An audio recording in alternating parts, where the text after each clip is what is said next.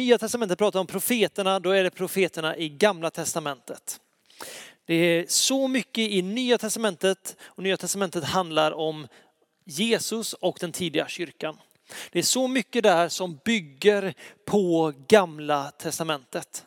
Så när vi inte har förståelsen för gamla testamentet så är det inte alltid att vi förstår vad man menar i nya testamentet. Bara säga att gamla testamentet, den har även judarna. Jesus var jude. Så den judiska tron, det judiska arvet är av största betydelse för oss. Det är samma Gud tillber. Samma Gud som judarna tillber nere i Israel och ja, över hela världen också för den delen, som vi tillber. Sen är skillnaden bara det att vi vet att Jesus är honom som vi får frälsning och enhet med Fadern. Men därför är den judiska historien Israel som land och som folk är det viktigt för oss. Jag tänker att vi idag ska gå igenom. Så idag kommer ni få se en ny form av en tidslinje. Den ser ut så här. Det är bara för att jag har inte så mycket mer plats på det här pappret. Så vi ska börja från början. Kommer jag så här. Bibeln, första Mosebok eller på det mer internationella benämningen av det Genesis som betyder ursprung eller början. Det börjar med elva kapitel som vi kommer kalla för förhistoria. Ni kan säkert flera av berättelserna. Det är Adam och Eva i lustgården. Det är deras söner Kain och Abel. Det är Babels torn när människan i sin hybris försöker bygga ett torn för att bli lika stora som Gud. Gud ser detta och ser på något sätt högmodet i människan och säger på grund av detta högmod, på grund av att de försöker ta Guds plats så kommer vi ge dem språk av alla de olika slag. Så arbetet inte kan fortsätta. Så därifrån kommer ursprunget till att det finns mängder med olika språk. Och sen har ju de här utvecklats vidare genom historien.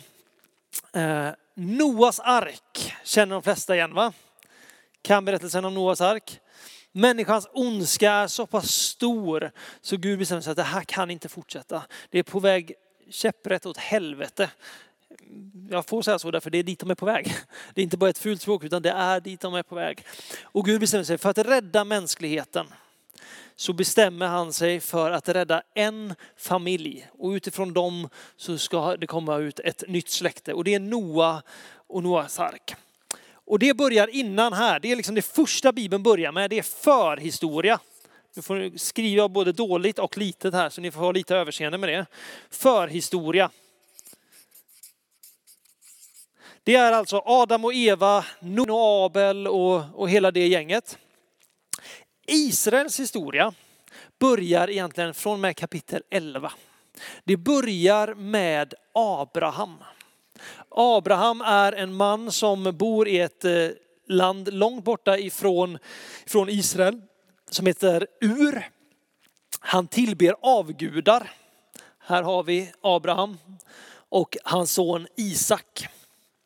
Abraham, precis som sin familj, tillber avgudar. Men så får han höra Herrens röst. Och Herren säger, lämna ditt folk och följ mig. Gud säger inte åt honom vart han ska gå, utan han säger bara följ mig. Gå, lämna ditt folk. Och Abraham lyder och går. Abraham får sen på grund av sin tro på Gud, på grund av att han faktiskt lyder Gud, så får han löftet om att få ett, bli välsignad av Gud, få ett rike, alltså Kanans land som senare kommer att bli Israel. Han får löftet att han ska bli ett stort folk som är välsignat av Gud. Abraham får som sagt en son som vi ser på, såg på den här bilden, Isak.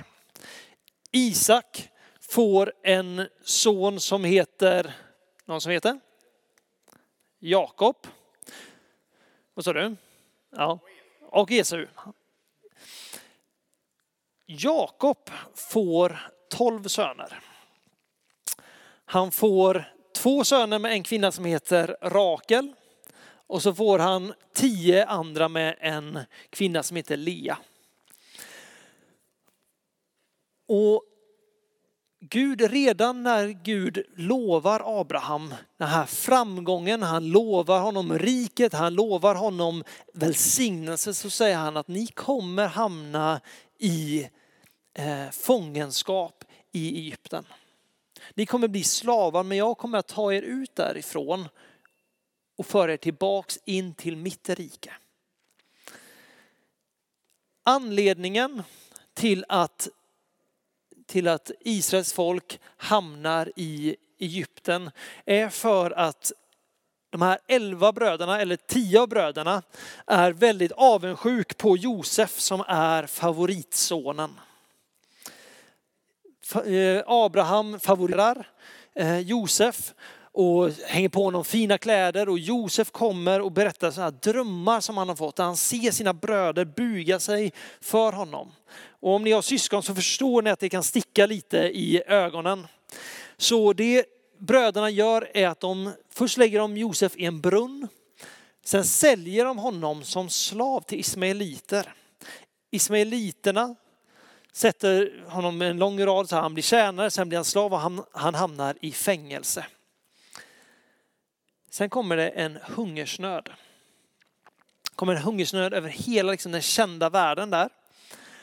Och vid den tiden så har Josef blivit befordrad så att han är liksom faraos närmaste man. På grund av att han har förmågan att tyda drömmar.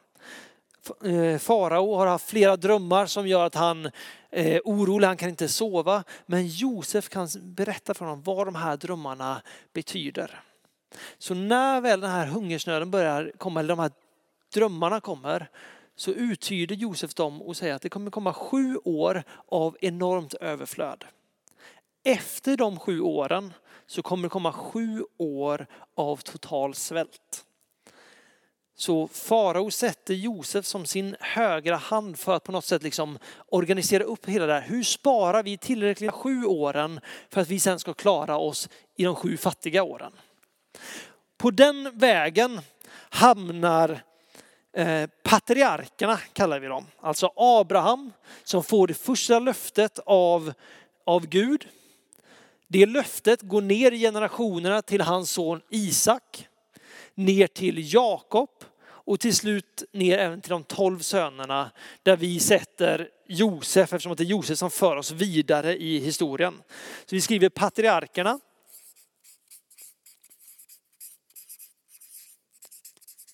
Så kan vi sätta ett A för Abraham, I för Isak, J för Jakob och så sätter vi ett J för Josef. För det som händer när de är i den här fångenskapen, det är att med tiden så blir Israels folk ett väldigt stort folk. Och farao märker att de börjar utgöra ett hot. Så han bestämmer sig för att förslava hela det israelitiska folket, alltså hela det judiska släktet, gör han till slavar i Egypten. Där befinner de sig i 400 år. I 400 år så lever de i slaver som ett förtryckt folk. Ni ser den här väldigt tydliga pedagogiska bilden att det är inte så nice de börjar glömma bort vem Gud är. Abrahams Gud, Isaks Gud och Jakobs Gud. De som har fått alla de här löftena. Det börjar sakta men säkert under många, många, många års förtryck så börjar det att försvinna. Men de fortsätter att knota, de fortsätter att ropa och be om Gud om hjälp. Och Gud sänder någon som kan namnet? Vem sänder Gud? Mose, precis. Det är bara att säga det till, som är uppmuntran till många av oss. Mose är i judisk tradition eh, sett som en av de största men profeterna. Även om vi kanske inte klassar honom som en av profeterna så är han ändå en av de som har fått störst uppenbarelse, en av de som varit närmast Gud, sett mest av Gud och liksom befriat hela Israels folk. när han var 40 år, han växte upp som, egentligen som föräldralös. Han blev adopterad in i faraos familj. När han börjar se liksom hur Israels folk blir förtryckt så blir, går det så långt att han faktiskt dödar en av faraos tjänare, slavdrivarna. Han behöver fly för sitt liv ut i öknen. Så han flyr alltså sitt hem när han är 40 år. Han är ute i öknen i 40 år. Så när han är 80 år gammal, då får han möta Gud i en brinnande buske. När han är 80 år gammal, då säger Gud, jag har utvalt dig. Jag har kallat dig till att befria mitt folk. Och läser vi närmare i historien om Abraham så märker vi att han fick löftet. Han fick inte ett barn förrän han var över 100 år gammal. Han fick vänta enormt länge på att få se det som hade lovats gå i uppfyllelse. Josef hade de här drömmarna som en ung grabb. Han sitter många, många, många år i fängelse och lider hemska förhållanden innan det går i uppfyllelse. Så ibland när Gud har lovat någonting så tar det tid innan det går i uppfyllelse. Men det vi ser i de här berättelserna är att det sker. När vi står trofast kvar så låter Gud det ske som han har lovat.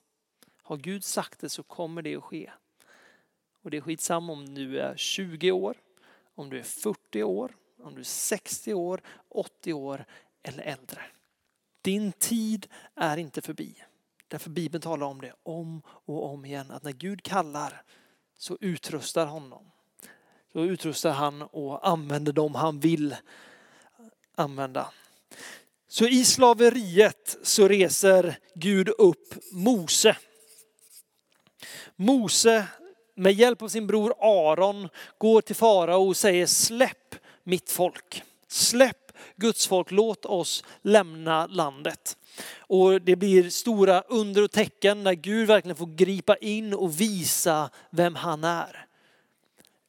Och det är, det är också lite spännande för det finns flera gånger där det står att farao på grund av de här plågorna och det här som händer så vill han släppa iväg Israels folk. Men det står att Gud förhärdar faraos hjärta. Av någon anledning så gör Gud så att farao inte släpper iväg folket. Trots att det är Gud som har sagt till Mose, gå och säg åt honom att släppa folket. Jag tror att det finns två anledningar, eller det finns, jag tror det finns många anledningar till det, men jag tror det finns två viktiga anledningar i det. Egyptens folk har förtryckt Israels folk väldigt länge. De har varit den starkare mannen. De har varit det starkare folket som kan styra och ställa. Israels folk är slavar, tror inte att de är värda någonting, har börjat glömma bort vem Gud är. Genom de här tio plågorna som kommer och Mose som sen kommer att dela hela Röda havet så att Israels folk kan gå igenom. Bibeln säger att Gud säger, jag ska visa att jag är Adonai. Jag ska visa att jag är Herren. Gud visar på nytt för Israels folk vem han är. Han visar också för Egyptis, egyptierna vem han är. Herren. Det finns ingen som han, det finns ingen lik honom i makt. Det finns ingen som tar sig an ett folk på samma sätt så som han gör. Så det kan i första anblick verka lite konstigt men jag tror att Gud där påminner Israel, det här är vem ni har att göra med. Det är mig ni tjänar. Så de är i slaveri i Egypten. Mose får med sig folket och där kommer Exodus. Oj, nu stavar jag helt fel. Exodus. Exodus betyder uttåg. Det är eh, det mer internationella namnet på andra Mosebok. Så pratar man engelska till exempel så kommer man prata om Genesis, första Mosebok, Exodus, andra Mosebok. Jag tror nästan bara det är vi skandinavier som använder de, de begreppen av någon anledning. Eh, men så är det i alla fall Exodus uttåg. Gud leder sitt lätt av Mose ut i öknen. De har löftet om det förlovade landet. De vet vart de är på väg. Och bara säga så här, det tar inte 40 år att gå från Egypten till Israel. Jag hörde Magnus Bettner, en svensk ståuppkomiker, han skämtade och sa det kunde inte Gud bara gett dem en GPS så hade de varit där på fyra dagar. Det tog dem 40 år. Min catchphrase på den brukar vara så här att det, tar in, det tog inte 40 år för Gud att få Israel ut ur Egypten, men det tog 40 år för Gud att få Egypten ut ur Israel. De är slavar, de är, de är ett upproriskt folk som hela tiden, så fort de har kommit ut ifrån de här, de här hemska förhållandena så vill de vända tillbaks. Trots att Gud går före dem som en eldstod på himmelen om, om natten. Alltså det brinner över huvudet på dem om natten. På dagarna de är ute i öknen så är det ett stort moln som ger dem skugga. Hela tiden så ser de Guds närvaro. Ändå vill de hela tiden vända tillbaka. De har inte överlåtit sig själva fullt ut till Gud. Vilket också visar sig att när Gud säger gå in och ta landet så börjar de se alla hinder, de börjar se folken som redan bor och tänker det här är omöjligt. Trots att de har sett allt han har gjort. Så väljer de att inte gå in utan de tvivlar och vill hålla tillbaks. Det tog 40 år, det är alltså en helt ny generation som har vuxit upp när de väl får gå in i landet. Och då har vi alltså Exodus som går ut ur öknen. Som, sen har vi ökenvandringen. De är 40 år i öknen. Sen efter 40 år i öknen, när de har gått in i ett nytt förbund med, med Gud och de har Josua som ny ledare, en man då som är fostrad i Guds närvaro, en man som är fostrad av att se Gud göra fantastiska saker. Han får uppdraget att leda folket in i Israel. Problemet är bara det att det bor redan väldigt mycket människor i Israel. Jeriko eh, är en stad som de måste passera vid den tiden världens starkaste stad. Det är lite för oss som att tänka att nu är vi i Sverige, nu ska vi helt plötsligt invadera USA. We won't do it. Don't be afraid. Det är lite så omöjligt det uppdraget känns. Men det är en generation som är fostrad i att lyda Gud. De lyder Gud, de får se Jerikos murar att eh, falla. Så det börjar helt enkelt, det är inte så att de bara går in och så är det ett tomt land, utan de får strida sig fram. De får strida sig igenom och vinna det här landet gång på gång på gång, steg för steg på steg. Och återigen så kan det komma en så här, när man läser de här berättelserna, så tänker man, Gud säger åt Israels folk att lämna ingen levande. Lämna ingen av de här kvar utan driv ut dem. Och så kan man tänka, men vad, vad är det här som händer? Det går inte alls ihop riktigt med den bilden jag har av den gode guden, den kärleksfulla guden. Men då måste vi komma ihåg det.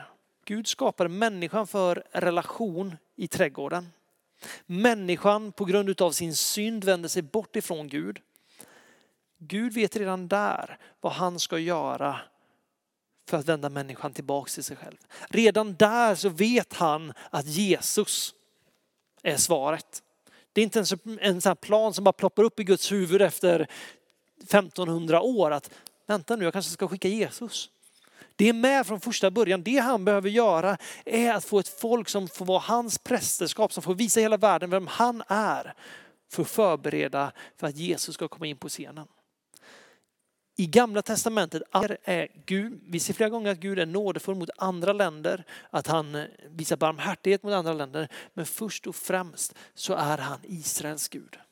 Han beskyddar, han leder sitt folk.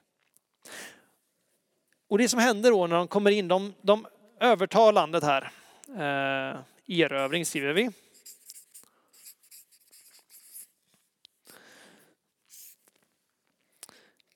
När de kommer in så har de budet att driva alla andra folk på flykt. De gör inte riktigt det. Utan de låter folk bo kvar ibland dem. Och under den här tidsperioden som kommer här så har de ingen kung, de har ingen enad ledare utan det är stammar. Israel består av tolv stycken stammar som tillsammans utgör ett folk. Och det står i början av domarboken så står det att när tiden går på nytt börjar Israels folk glömma vem Gud är. De har hört historierna, det är ganska stora tidsperioder vi pratar om här. De har hört historierna härifrån. Ökenvandringen, gick genom Röda havet, men de har börjat glömma. Och mitt ibland dem bor människor som tillber andra gudar. Som hela tiden försöker näsla in sin teologi, som hela tiden försöker få sitt inflytande och få människor att börja tillbe deras gudar. Därför ville Gud inte ha dem mitt i. Därför att han ville ha ett folk som var troget honom. Israels folk är olydiga. Vilket gör att eh, det börjar bli lite kaos i landet. Då väljer Gud att resa upp domare. Alltså människor som är fyllda av Guds kraft, av hans ledning, eh, som får på något sätt driva fiender på flykt, dra folket tillbaks till Gud. Domare. Är det någon som kan några domare? Simson. Jefta. Gideon. Ja, men där har vi tre bra. Finns, finns eh, kvinnliga också, Debora bland annat. Du sa det också, jättebra. Simson bland annat. Har, nej, vi, tog, vi hittade en bild på Simson men vi vågade inte lägga upp den för den var lite opassande. Simson hade långt hår. Så länge han hade långt hår så hade han övermänsklig styrka. Det enda budet han har från Gud liksom är att gör det Gud att göra och inte klippa sitt hår. Han faller för kvinnor. Han låter, eh, han låter sig bli förförd och det slutar med att till slut blir hans hår klippt. Han blir svag och han blir gripen av filister. Eh, det blir också hans död till slut. Men domare. Den sista domaren här som jag vill ha som, som också leder oss in i nästa period. Det är Samuel. Man brukar ta om profeten Samuel. Kan även dra honom närmare domare, för det var lite mer den funktionen han också hade. Och vi kommer in senare i tiden när vi börjar tala om, om de stora profeterna. Men Samuel, en person som är uppvuxen i, i templet, redan vid ung ålder så får han höra Guds röst och han börjar föra Guds talan. Folket under den här tiden märker att vi är inte som alla andra länder. Alla andra länder har en kung. Eller vad vi idag skulle kalla en, kanske en diktator. En ledare som samlar hela riket. Och Israels folk säger låt oss bli som dem. Samuel säger ni vill inte vara som dem. Ni vill inte vara som dem därför att Gud är eran kung. Nej, vi andra länderna, vi vill inte vara så som vi är nu utan vi vill ha en kung över oss. Och till slut så säger Gud okej, okay, vill ni ha en kung så ska ni få en kung. Men med kung, kungen så kommer också vissa rättigheter för den kungen och det kommer inte alltid bli lätt. Saul blir den första kungen som på något sätt enar riket. Då har vi det stora Israel, lett av Saul. Saul visar sig vara lite bångstyrig. Han gör mycket rätt. Han gör också mycket fel. Därför att han är inte lydig Gud. Vilket gör att han börjar alltså leda nationen åt ett håll som Gud inte vill att de ska gå. Så Gud säger, men jag ska välja en man efter mitt hjärta. Så han utser David, kung David. Och David, eh, han, David och Goliat, har ni hört talas om? Här har ni honom. Ser ni vet du. Fantastiskt. David är en fåraherde, en ung kille, men som har hjärtat för Gud. Och Gud ger honom en position av makt. Men återigen där har vi en historia. I ganska ung ålder så smörjs han till kung av profeten Samuel. Det tar många, många år innan han blir kung. Han tjänar under den tidigare kungen Saul och Saul försöker döda honom därför att han ser David som ett, eh, som ett hot. David vet att jag kommer bli kung idag, men han tar inte det i egna händer utan han säger jag ska inte röra kungen därför kungen är än så länge Guds utvalde. Jag tänker vänta på min tid. Tiden går och han får fly för sitt liv men till slut så går Guds löfte i uppfyllelse. Och David blir kung. David, kungen, får en son med en kvinna som heter Batseba. Eh, äktenskapsbrott. Eh, David dödar till och med eh, Batsebas man för att kunna gifta henne och dölja över sin synd. Sonen, den andra sonen som, som David får med Batseba heter Salomon. Salomo har kommit att bli känd som världens visaste man. Albert Einstein slängde i väggen säger jag bara. Han får, utav Gud så får han på något sätt nästan gudomlig visshet, visdom. Han vet saker, han, han är klok utöver det andra. Och det, tack vare Davids hjärta för, för Gud, Salomo som kommer som börjar väldigt bra och som är extremt vis, så blir Israel ett väldigt rikt land. Men allting går inte i generna därför att Salomo som var väldigt vis hade en son som var väldigt dum. Jag tror att han hette Jerobeam. Kan också heta Rehabeham. För det är två personer som eh, liksom samspelar med Jag tror att Jerob... Nej, Rehobeam. Rehobeam. R skriver vi där, så har vi slått fast det. Det är Salomos son. Han har äldste, han har rådgivare som har tjänat tillsammans med kung Salomo som säger ta det lugnt med folket. De har betalat mycket skatt, de har kämpat hårt under Salomo. Lätta nu deras börda. Det är vist att lyssna på de äldre. Det gjorde inte Rehobeam utan han tog in sina vänner, sin, sin egen generation och, och sa vad tycker ni jag ska göra?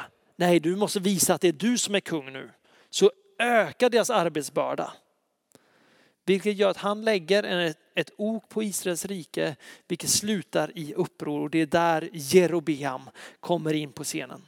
Han kommer in och leder ett uppror som säger att Rehobeam är inte en värdig konung. Och det vi får av det är ett delat rike. Vi får två riken utgjorda av de här stammarna. Vi har Judarike som är det södra riket som utgörs av Judas stam och Benjamins stam.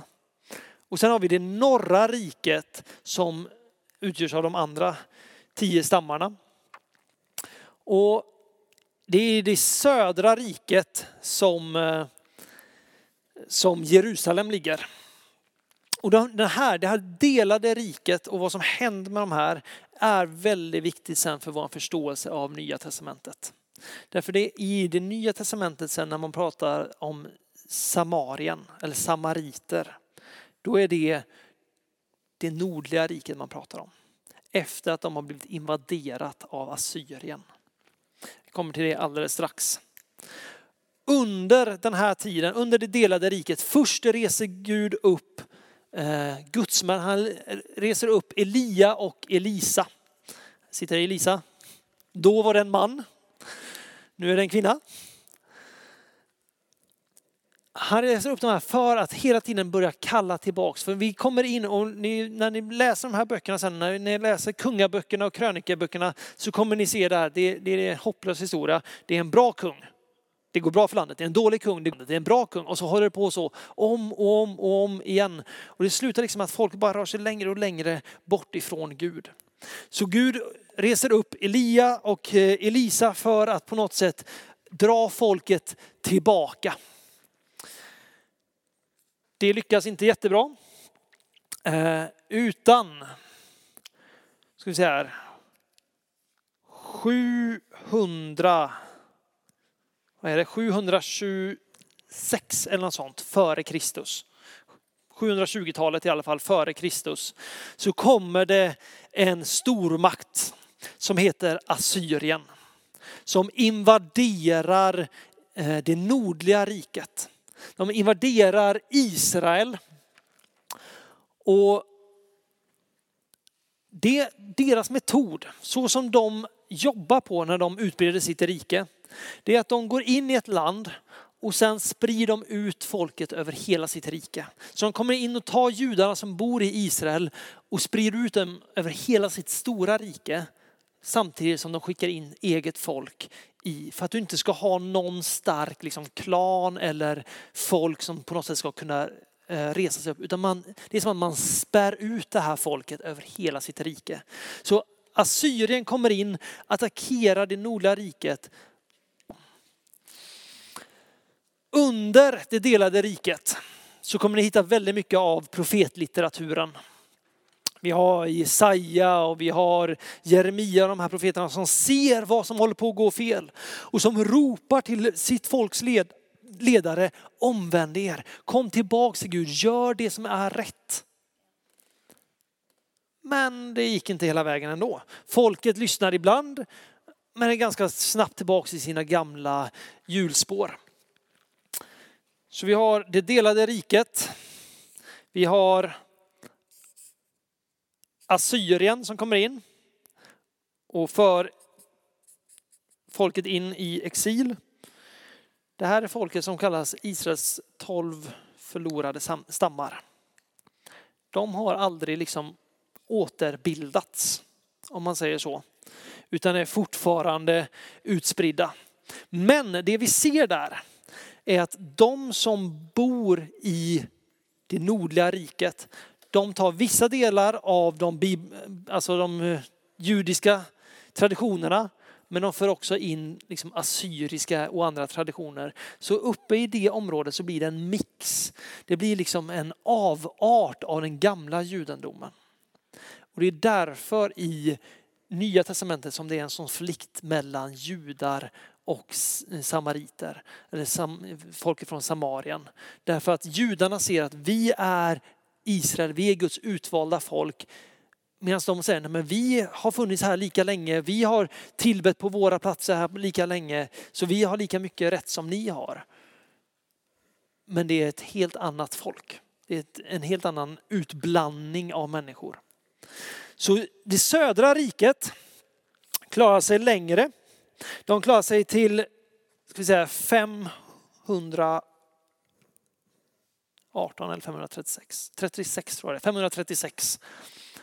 Då kommer den nya stormakten för dagen, Babylon. Babylon har en helt annan taktik. Det Babylon gör är att de tar folket, de tar de visaste, alltså ledarna och den unga generationen och så tar de dem med sig till sitt hemland sätter dem i sina skolor, fostrar dem i sin kultur. Så det som finns kvar i södra eh, Israel, alltså i judaland, det är fattiga, gamla folk som inte har någonting att varken säga till om eller göra motstånd mot. Men borta i Babylon så finns det en judisk, en israelitisk ur som bildas. Där finns folket kvar. Och ni kommer märka det när ni läser profetlitteraturen att det här är sånt som profeterna har varnat för. Det här kommer att ske om ni inte omvänder er. Jeremia kallas för den klagande profeten, eller den gråtande profeten, därför han gråter och säger, ser ni inte vad det är som kommer? Omvänd er. Men de förs i exil till B, Babylon, det nordliga riket.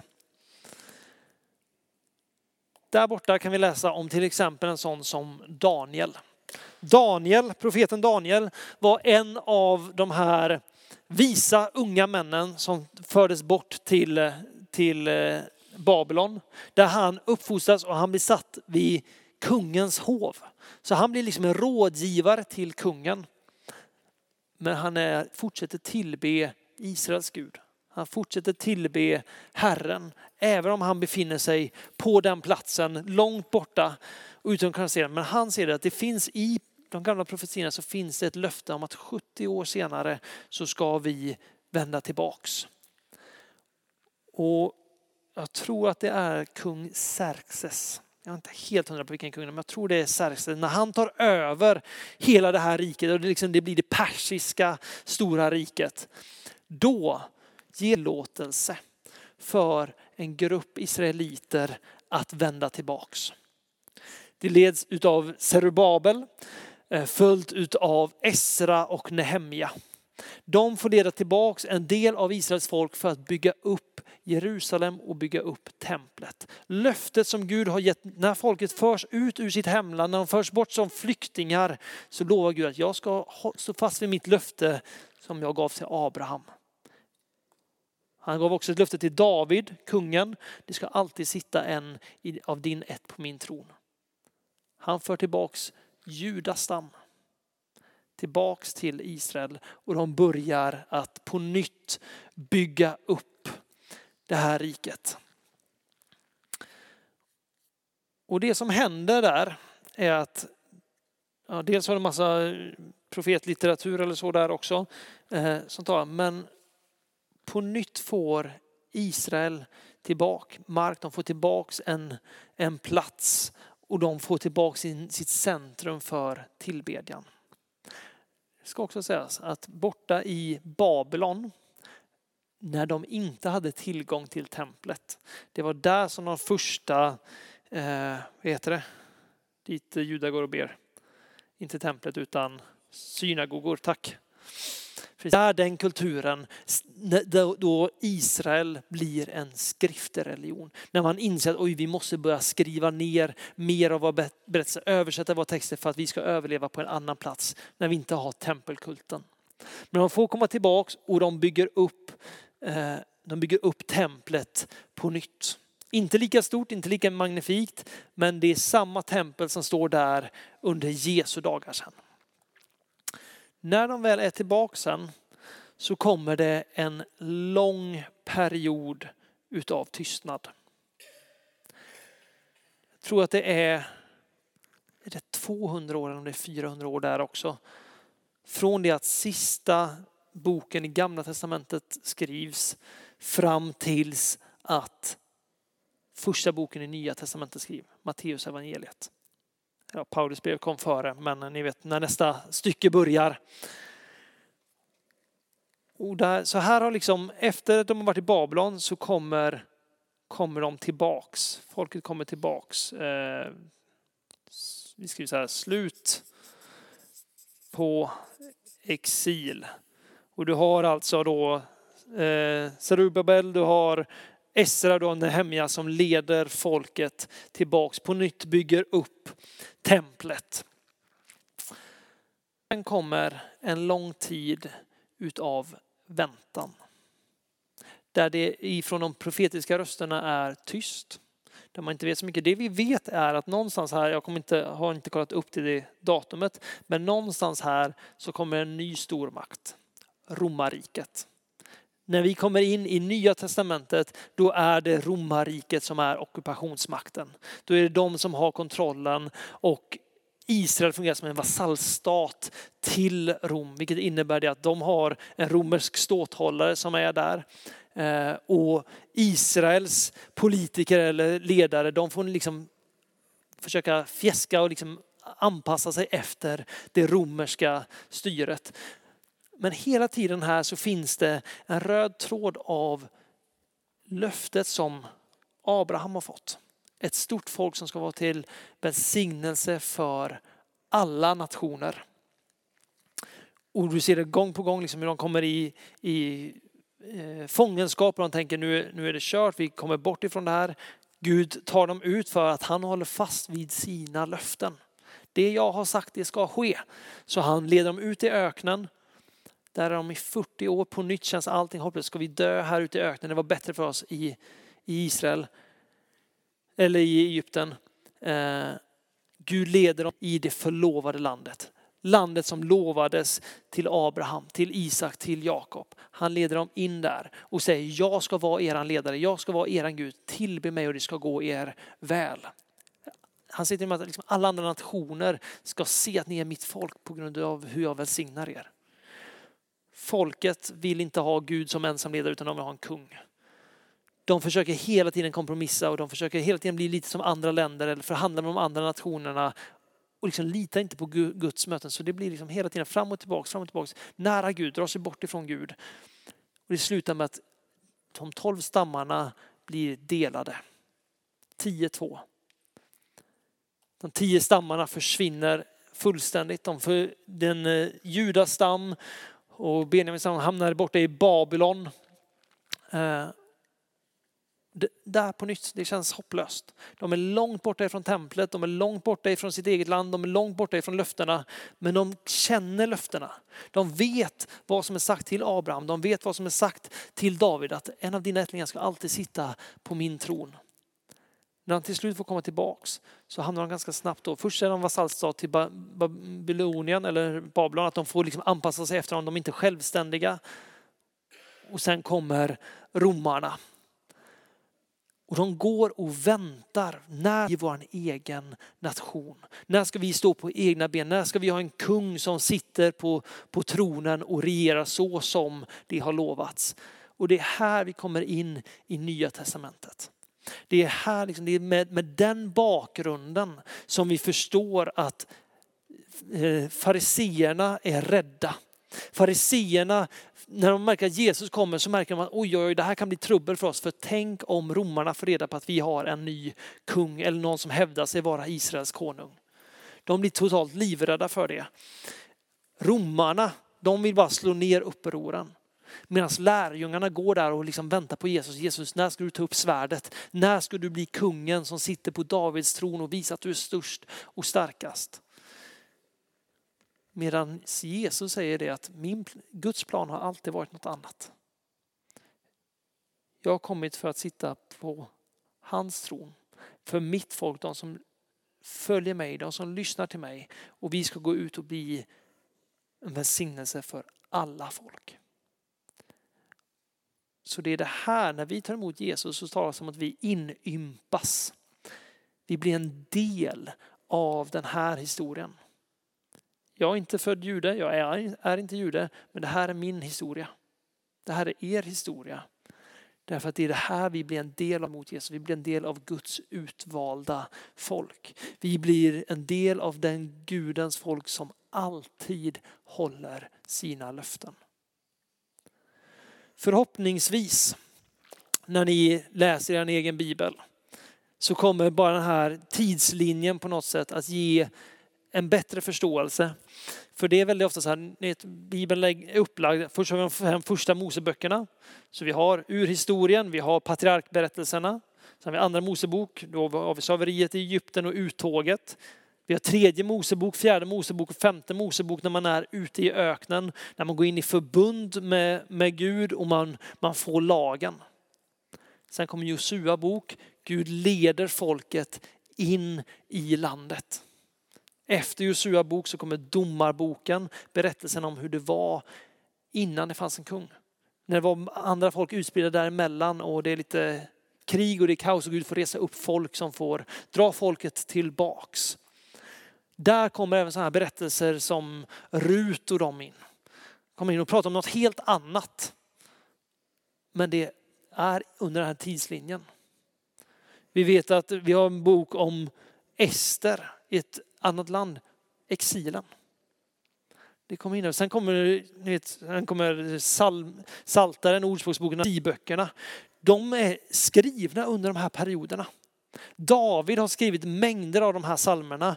Han har skrivit om när han gömmer sig för Saul, när han flyr för Saul. Han har, han har skrivit sal, salmer när han, har varit när han är kung och han har varit otrogen med Batseba och ber Gud om förlåtelse. Salomo skriver, har skrivit eh, Ordspråksboken. Majoriteten av Ordspråksboken i alla fall, där vi får möta hans vishet i text. Efter det sen så kommer stora sjok bara med profetböcker. Och man, man ser profeterna säger samma saker, olika saker, det är lite hipp som happ. De talar in i olika tider. De talar in i olika nationer till olika kungar, men alla kallar folket tillbaks till Gud, tillbaks till Guds ordning, tillbaks till det som är rätt och riktigt. Så förhoppningsvis, nu är det en ganska maxad genomgång på sådär, hur länge har vi kört? Emil, 45? 45 minuter.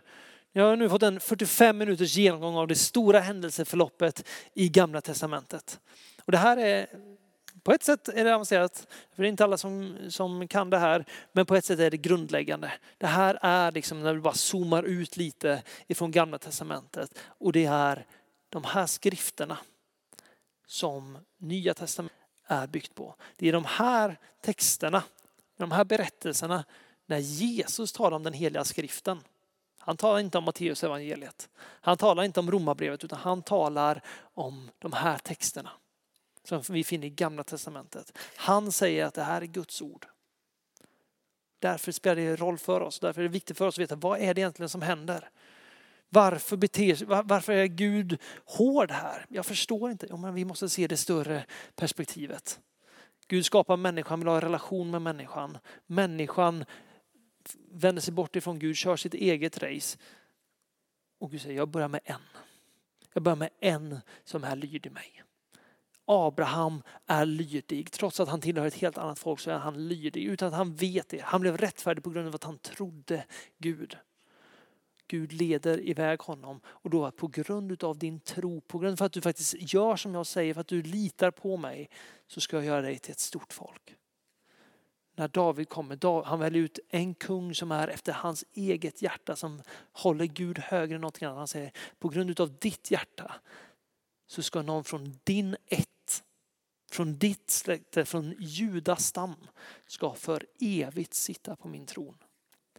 Kan ni gissa vilken stam Jesus är ifrån? Nej, inte leviter. Det är på grund av det löftet i gamla testamentet. Nej, leviterna är prästerskapet. Men Jesus var, ja det är därifrån ordet jude kommer. Men Nej, judastam. judastam. Så det här är alltså när vi börjar läsa Nya Testamentet så börjar det med en lång släkterlista. Och man tänker bara så här, varför ska jag veta det här? Därför att för en jude så är det av allra största vikt för att profetian om kungen på Davids tron ska vara sann så måste han vara ättling till Juda. Och det börjar Matteus med. Han börjar med att visa, här har ni släkt listan. Här ser ni att det, det är sant det som är sagt, det här är i enlighet med skrifterna. Varför när vi hör om den barmhärtiga samariten, varför är det speciellt? Jo, därför att han var samarit. Han var den som inte ens skulle prata med Jesus eller med en jude. Ändå är det han och inte prästerna som förbarmar sig över den där utslagna mannen på gatan. Vem är din medmänniska? Jo, personen du möter som är i behov. Skitsam om ni är fiender, står på olika sidor i ett krig. Möter honom som är i behov så är han din nästa. Kvinnan vid Sykars brunn, det är uppe i scen. Jesus borde inte ens vara där. Han borde definitivt inte prata med en kvinna. Och den här kvinnan säger det, hur kan du som är jude prata med mig som är samarit? Bryr sig Jesus om det? Nej. Därför han vet att det finns ett större rike. Guds rike där vi alla får bli del av. Men vi förstår inte de här grejerna utan det historiska perspektivet, utan förståelsen av profetiorna, av löftena som Gud har lagt ner flera tusen år tidigare. Så, nu har ni fått en ordentlig genomkörare. Hoppas att det hjälpte.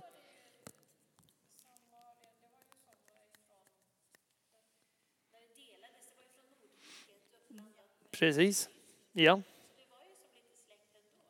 Ja, fast det, det, är, det är lite då som att eh, säga, tänk, tänk lite så här. Eh, många säger att kristna och muslimer ber till samma Gud.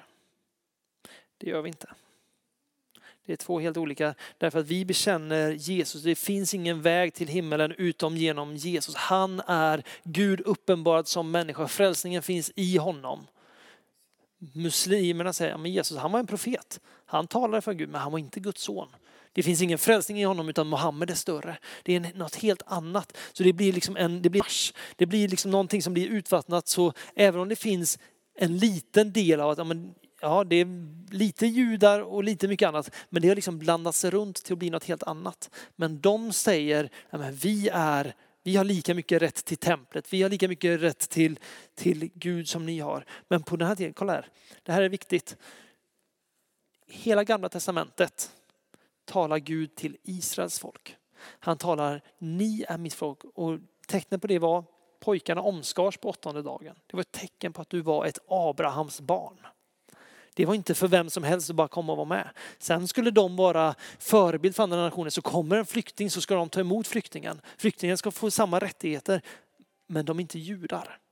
Så judendomen är inte en missionerande religion. Därför de har löftet från tidigare. Det är först när Jesus kom in på spelplanen och säger gå ut och predika evangelium för alla folk. Så när samarierna kommer och säger men jag är nästan jude. Så säger judarna det är inte, that's not good enough. Ni har inte rätt till Guds altare på samma sätt som vi har. Därför vi har blivit helgade. Vi har blivit kallade av Gud. Det har inte ni blivit. Och därför finns det en konflikt.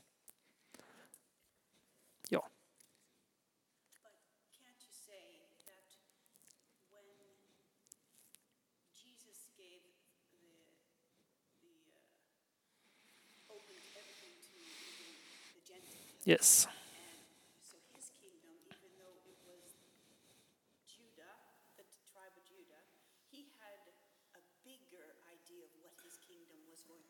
Absolut.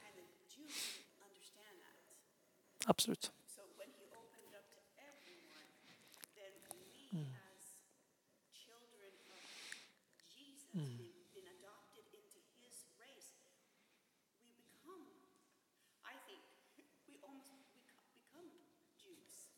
Japp.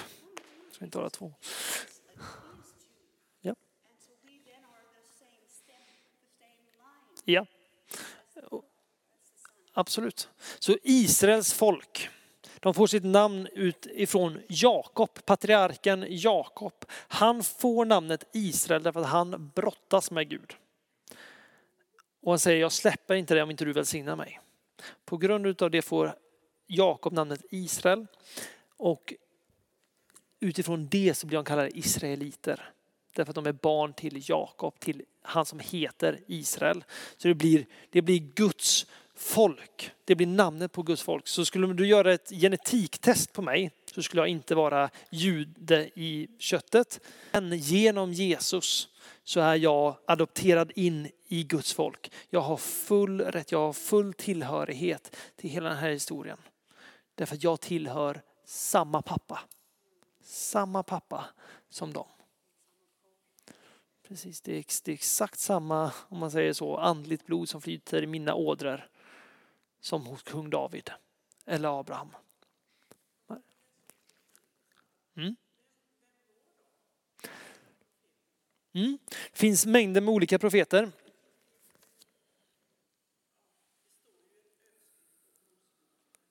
Precis, så, så du kommer komma efter att du liksom har varit inne i de eh, poetiska böckerna. Du har läst eh, Jobb, du har läst Saltaren, du har läst eh, Proverbs, Ordspråksboken. Sen kommer klagovisningen och predikaren och, och sen kommer du in i profeten. Och då har du började med Jesaja bok. Profeten Jesaja. Du har profeten eh, Hesekiel, profeten Jeremia. Eh, och sen kommer det, på slutet kommer det tolv småprofeter väldigt korta böcker. Det här är alltså då röster. Människor som kommer från ingen bakgrund alls nödvändigtvis. Eh, Amos var fåraherde. Hosea gifte sig med en prostituerad för att visa vem Gud är. De lyfter Gud upp och säger till mitt folk Israel, eller gå och säg till juda konung, bam, bam, bam, bam, bam. Och de gör det. Och väldigt ofta så kommer det också med det kommer kraft. Det ser vi framförallt när man kollar, extra tydligt ser vi det hos eh, gudsmännen Elia och Elisha. Där de går fram, där händer tecken och under som ett bevis på att de är sända på Gud. Profeterna är mer att de talar och det som händer det, det sker. Eh, mer än att det är kraftgärningar. Eh, men det, det, är en jättestor del för det är så mycket mängder med profetior om vem Jesus är. Hittar vi till exempel Jesaja bok. En, en profetbok som talar, dels talar han in i sin samtid, han talar också om vad som ska komma. För det kan man hitta liksom i, alltså när man läser eh, de, eh, profeterna, att ibland talar de, de talar om nu, men också sen.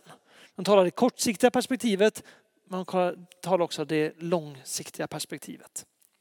Men så där finns flera, men, men det brukar stå typ Jesaja bok eller, eller liknande. Så när det bara kommer liksom ett namn över så, eh, förutom de kvinnliga och Esra och Nehemja, så på slutet där kommer profeterna.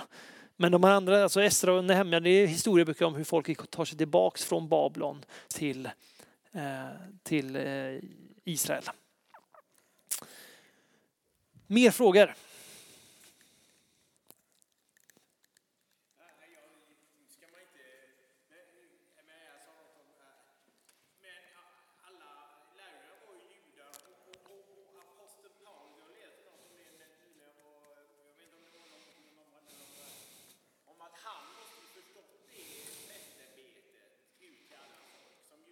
Mm. Det, mm. det, det, det, kommer ni märka när, när ni läser apostlagärningarna. Då, då blir det här, I apostlagärningarna blir det här extremt tydligt. Därför helt plötsligt så kommer Paulus, som både är romare och jude, så han är romersk medborgare, vilket ger han vissa förutsättningar i romarriket, men han är jude i blodet om man säger så. Eh, han får sin kallelse ut till hedningarna. Hedningarna, vad är det i det här perspektivet? Jo, en hedning eller gentiles är allt som inte är jude för dem.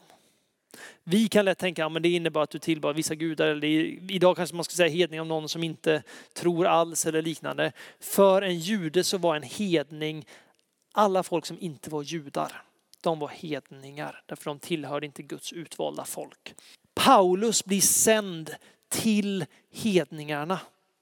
Och det här blir en konflikt i apostlagärningarna. Det här blir en konflikt i den första kyrkan. Därför hur kan, hur kan vi välkomna in hedningar? De är inte judar. De har ingen rätt här. Hur går det ihop? Men genom den heliga ande, att den heliga ande utgjuts även över hedningarna så förstår apostlarna att okej, okay, hedningarna får också vara med.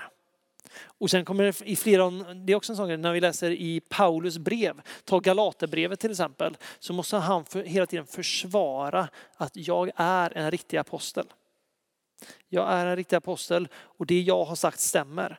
Därför att församlingen i Galatien, då Paulus kommer dit och sagt att ni behöver inte omskära er.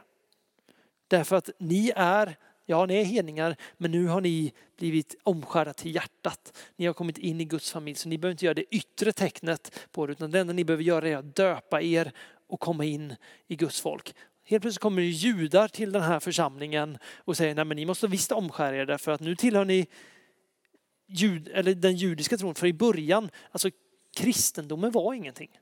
Utan det var judar som gick ut med ett judiskt evangelium till världen.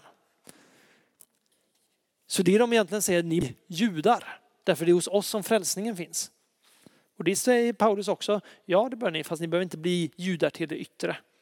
Och så kommer det judar och så angriper den här församlingen och säger, ni måste omskära er. Och det är då Paulus svarar med sitt brev att, är inte jag apostel, har inte jag fått kallelsen till er, vet inte jag att ni behöver inte göra det.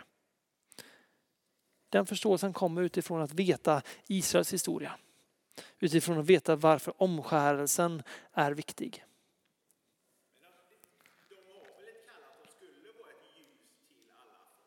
Ja. Precis, men, men det blir också lite så här så i vad man, kollar, kollar du Israel som nation så tänker man alltså Israel var en prästnation. Israel skulle vara en välsignelse till alla andra nationer också. Det innebar inte att alla andra skulle bli, bli judar. Men det innebar att genom att se på, is, på Guds utvalda folk så skulle människor börja tillbe Herren. Problemet är att, att i den här bråkiga historien så är judarna, precis som kyrkan ibland kan vara, väldigt dåliga, har det gått Peter, väldigt dåliga på att representera Gud. Ge en väldigt dålig bild av Gud. Och det är då Gud säger kom tillbaka till mig. Ta en sån här grej. I Amos bok, det är en, det är en, bon, eller en herde som utmanar riket och säger att det finns social orättvisa hos er. Det håller inte för om ni är Guds folk. När Gud gav er lagar så gjorde han att det skulle vara rättvist, att en Israelit ska aldrig kunna bli slav, utan ni ska alltid kunna vara fria därför att ni är ett fritt folk eftersom ni är Guds folk. Det kan vi ställa oss upp och säga idag också. Att vi kan vara en profetisk röst som får tala om social orättvisa i vårt samhälle därför att Gud kallar till en högre moral. Där får vi vara ett ljus. Det betyder inte att alla där ute är kristna, men vi får visa på något annat för dem. Vi får visa dem Guds kärlek. Så, har vi någon sista fråga? Anton?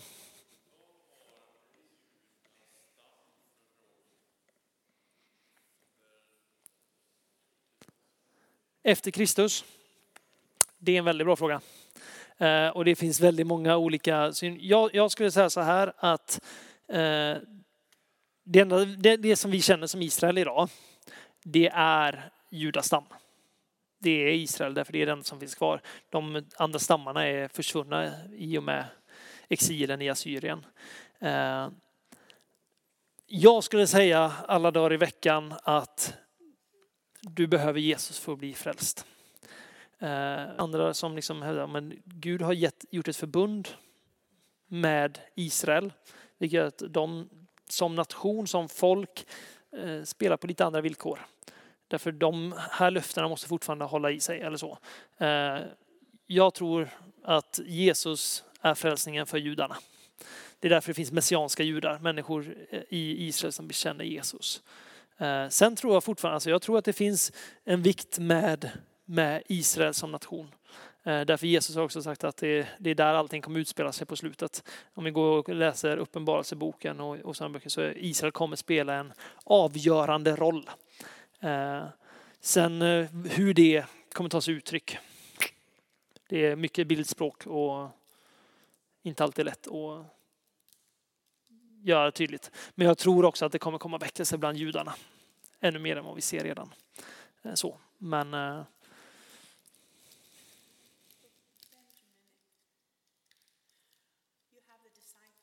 Yes.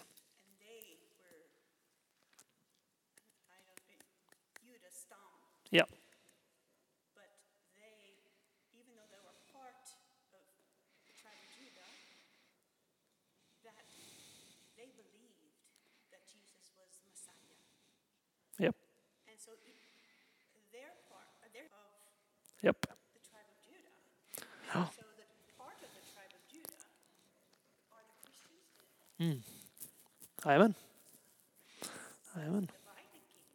Mm. Mm. Det tror jag. Och det, det, det, finns, ska också bara säga, alltså det finns i historien väldigt mycket folk som har kommit tillbaka och hävdat ah, att jag kommer från Levis stam eller jag kommer från Nehemjas, eh, inte Nehemjas stam utan eh, Efraims stam eller så. Och då har det varit så här konflikter, ah, kan, du, kan du visa kan du visa att du tillhör det, att din blodslinje inte har suddats ut längs vägen. Väldigt få av dem som kan göra det. Så det vi ser idag är judastam, men det finns nog en annan öppenhet för det idag också.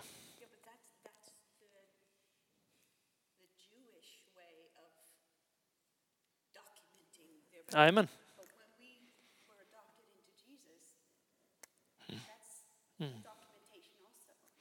Precis. Och det, det, det, är så här, för, för, oss spelar det ingen roll. Därför vi har, våran, vi har vårt medborgarskap i Israel, i Kristus. Vi är en del av Guds rike på grund utav att vi är upptagna i Kristus. Han som är överste prästen. Det finns två, vi ska börja runda av här nu för tiden går alldeles strax. Eh, ja, just det. Det, det Marianne egentligen sa är just det här att det, det, det, var, det var egentligen inte så mycket en fråga utan det var en, det var en kommentar eh, som, som säger att du, alltså, alltså, ungefär det jag sa, att vi, vi, är, vi till, har tillhörigheten i Kristus. Eh, genom det så får vi, får vi del eh, av honom.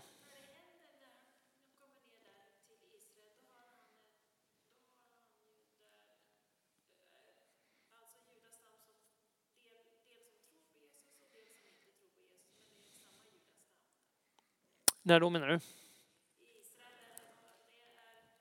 Så, så, så, ja, alltså, så, som man säger så här, före Jesus fanns inga messianska judar.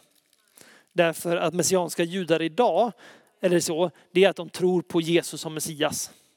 Alla, jud, alla judar tror på Messias. Bara det att de tror, majoriteten, ska jag säga, långt ifrån alla, för det finns de som tror på Jesus, men väldigt många av dem säger, det de säger, Jesus var inte Messias.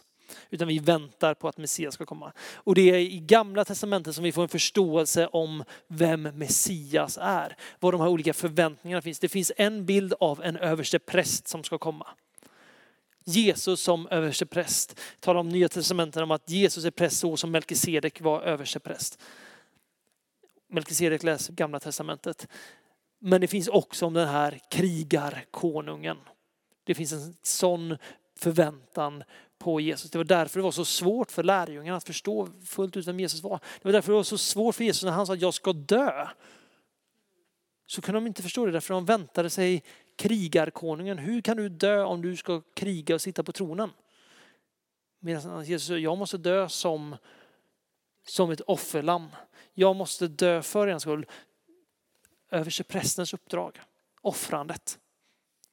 Jesus måste dö för att sen komma tillbaks. Sen ska jag sätta mig på, på min tron och på domens dag, då kommer Jesus komma på ett moln och döma alla människor. Där kommer vi se fullt ut den Jesus som lärjungarna då förväntade sig att se att nu sker det. Men Jesus visade mer av översteprästerskapet där. Att han kom för att jag ska för det översteprästen gjorde var att han offrade för, å folkets vägar för att folket skulle vara ren inför Gud.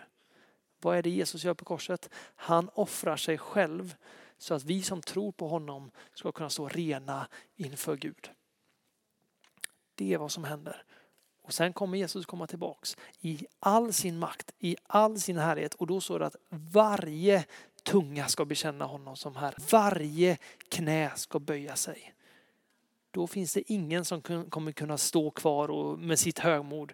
Utan när Jesus kommer i all sin makt, i all sin härlighet, då kommer varje knä att böja sig. Amen. Gamla testamentet fanns. Fast då hade de inte som vi har det i en bok utan man hade i skriftrullar. Men de fanns. Nya testamentet skrevs först senare. Då Paulus är den som man har hittat det tidigaste brevet från och det är runt år 50.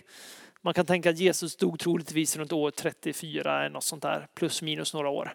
Eh, så väldigt kort tid egentligen.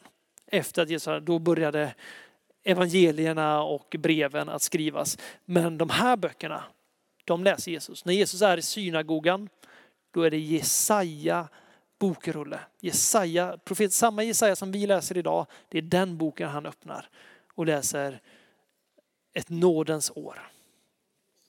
Jag har kommit för att sätta de fångna fria. Det är häftigt.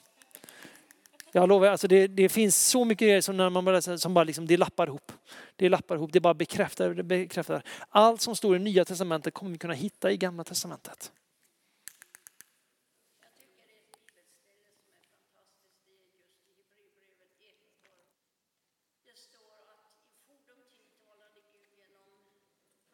Mm. Mm. Amen. Mm. Amen. Ja. Mm. Amen. Det, jag tänkte säga någonting mer men vi, vi nöjer oss med det. Det är perfekta sättet att sluta på. Nu har ni fått lyssna på mig hela det här passet. Det, det blev för många bra frågor på slutet där. Eh, tack. Jag tänker vi ska göra så här innan, innan vi går, eh, går hem så kan vi väl bara be. Be att eh, Gud ännu mer, för det är så, alltså när Gud kommer med sin uppenbarelse, när Gud bara visar saker, det är fantastiskt. Och det säger också väldigt, väldigt mycket av det som vi läser där, när Gud får bara komma in och uppenbara saker om vad han har skapat oss till och vad vi får bli en del av och vem Gud är. Det förvandlar oss inifrån och ut. Så vi ber ikväll om, Herre vi ber om din uppenbarelse. Vi ber att du får börja uppenbara ännu mer av din sanning. Vi ber att du ännu mer får börja visa oss vem du är, vem Jesus är och vilka vi får vara och vad vi får bli en del av. Tackar dig för att du har sagt att vi är ambassadörer för ditt rike. Jag tackar dig Fader för att det här blir våran historia. Jag tackar dig för att de berättelserna om vad du har gjort, det är en del av våran historia. Så är så här, vi bara ber dig. Kom och uppenbara vem du är. Vi vill, jag vill bara be ut också att om, om det finns någonting alltså där, vi, där vi tror på en lögn eller där vi har en felaktig bild av vem du är. Så kom och uppenbara sanningen för oss. Tack Jesus.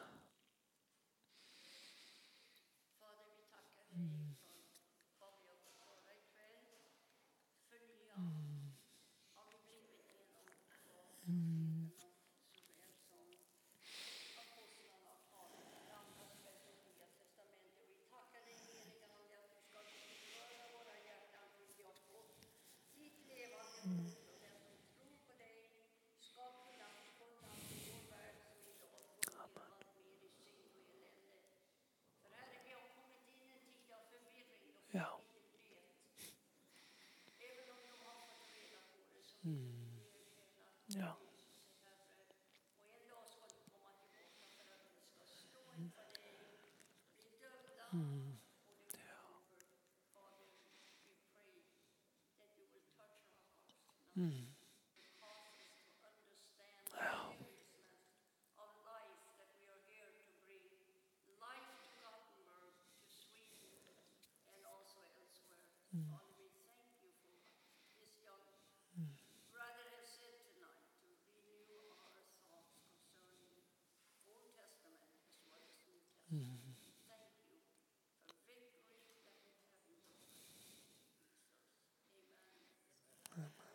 Herre, vi ber också att du får resa upp domare på nytt.